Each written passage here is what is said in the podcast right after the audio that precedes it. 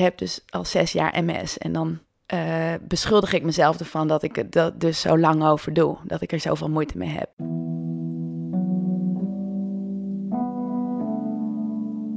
Ik hoor mezelf nog letterlijk tegen de neuroloog zeggen, ja, niet ten tijde van de diagnose, maar een paar maanden later, van nou, als dit, hier kan ik wel mee omgaan. Dit is, hier valt mee te leven.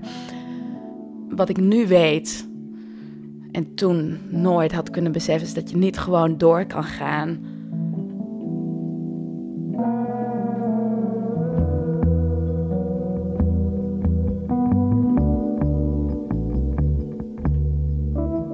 Het is alsof het hele fundament en je hele basis en alles wordt gewoon echt onder je voeten weggeslagen. Maar ook echt letterlijk, omdat, omdat, je omdat ik gewoon echt sta te trillen op mijn benen vaak. Omdat die, dat die signaalfunctie zo verstoord is, dan word ik zo wiebelig en zo kwetsbaar.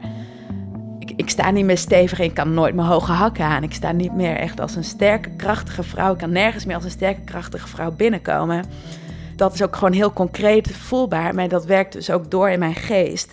Dat ik gewoon dus ook een hele labiele vrouw van ben geworden. Heel veel huilbuien en heel veel ja, woede-uitbarstingen. Ja, weinig aankunnen. Dus, dus heel um, snel schrikken. Of ja, ook niet goed, eh, niet goed um, meer de straat op durven soms, op sommige dagen, omdat ik me dan zo kwetsbaar voel. Dat, dat ik maar thuis blijf en dan ga ik heel hard huilen. Dus dan voel ik me zo'n labiel, emotioneel wrak.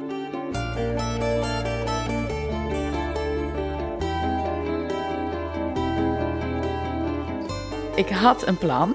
In Australië worden er eh, eens in de zoveel tijd uh, retreats georganiseerd door een man die had, uh, heeft, had zelf ook MS. En die levensstijl die hij heeft gehanteerd, en nu nog tot nu, is uh, meditatie, beweging en voeding. Je voeding compleet aanpassen. En daarmee heeft hij eigenlijk uh, het uiteindelijk overwonnen. En is er ook sinds lange, lange tijd eigenlijk nooit meer een aanval bij hem geweest. En is het ook alleen maar veel beter met hem gegaan.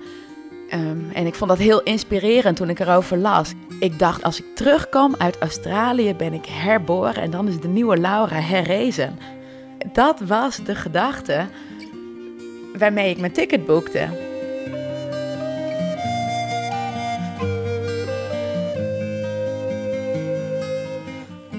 Nou ben ik daar geweest in januari.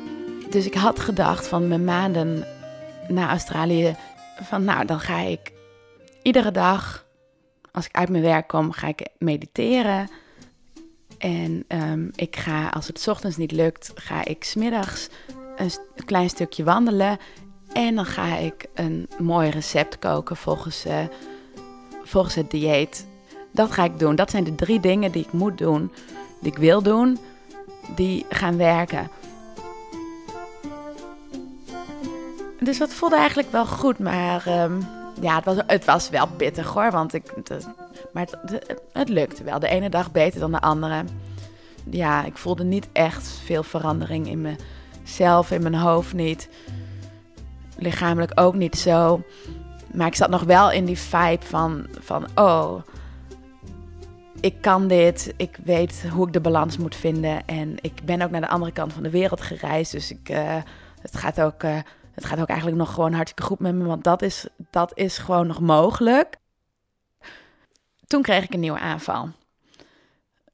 En die was echt heel heftig.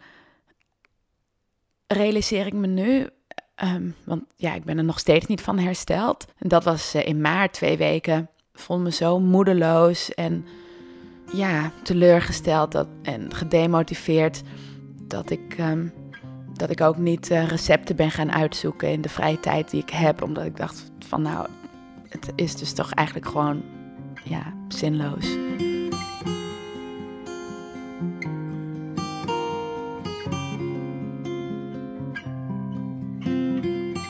Ja, al een flinke tijd later is, het, uh, is de emotie over hoe uh, tegenstrijdig het het is hoe ik me nu voel en hoe ik me voelde toen ik naar Australië ging.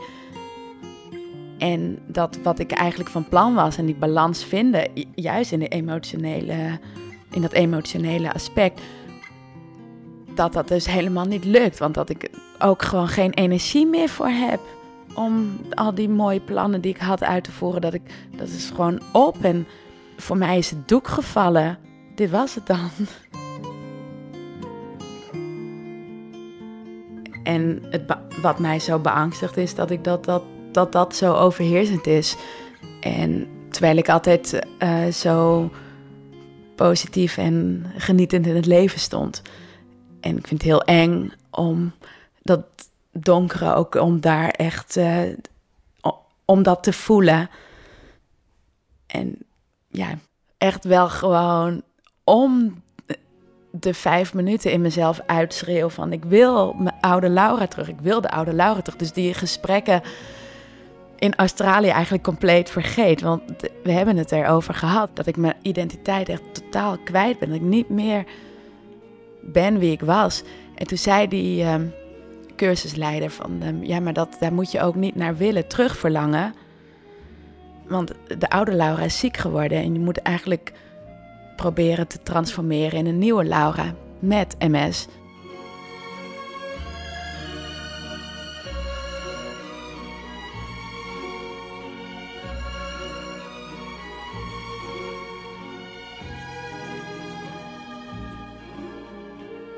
Wat ik nu aan het doen ben is wachten en wachten en wachten en hopen met de dekens over me heen, verstopt voor de wereld, wachten tot het overgaat. En het wordt alleen maar erger.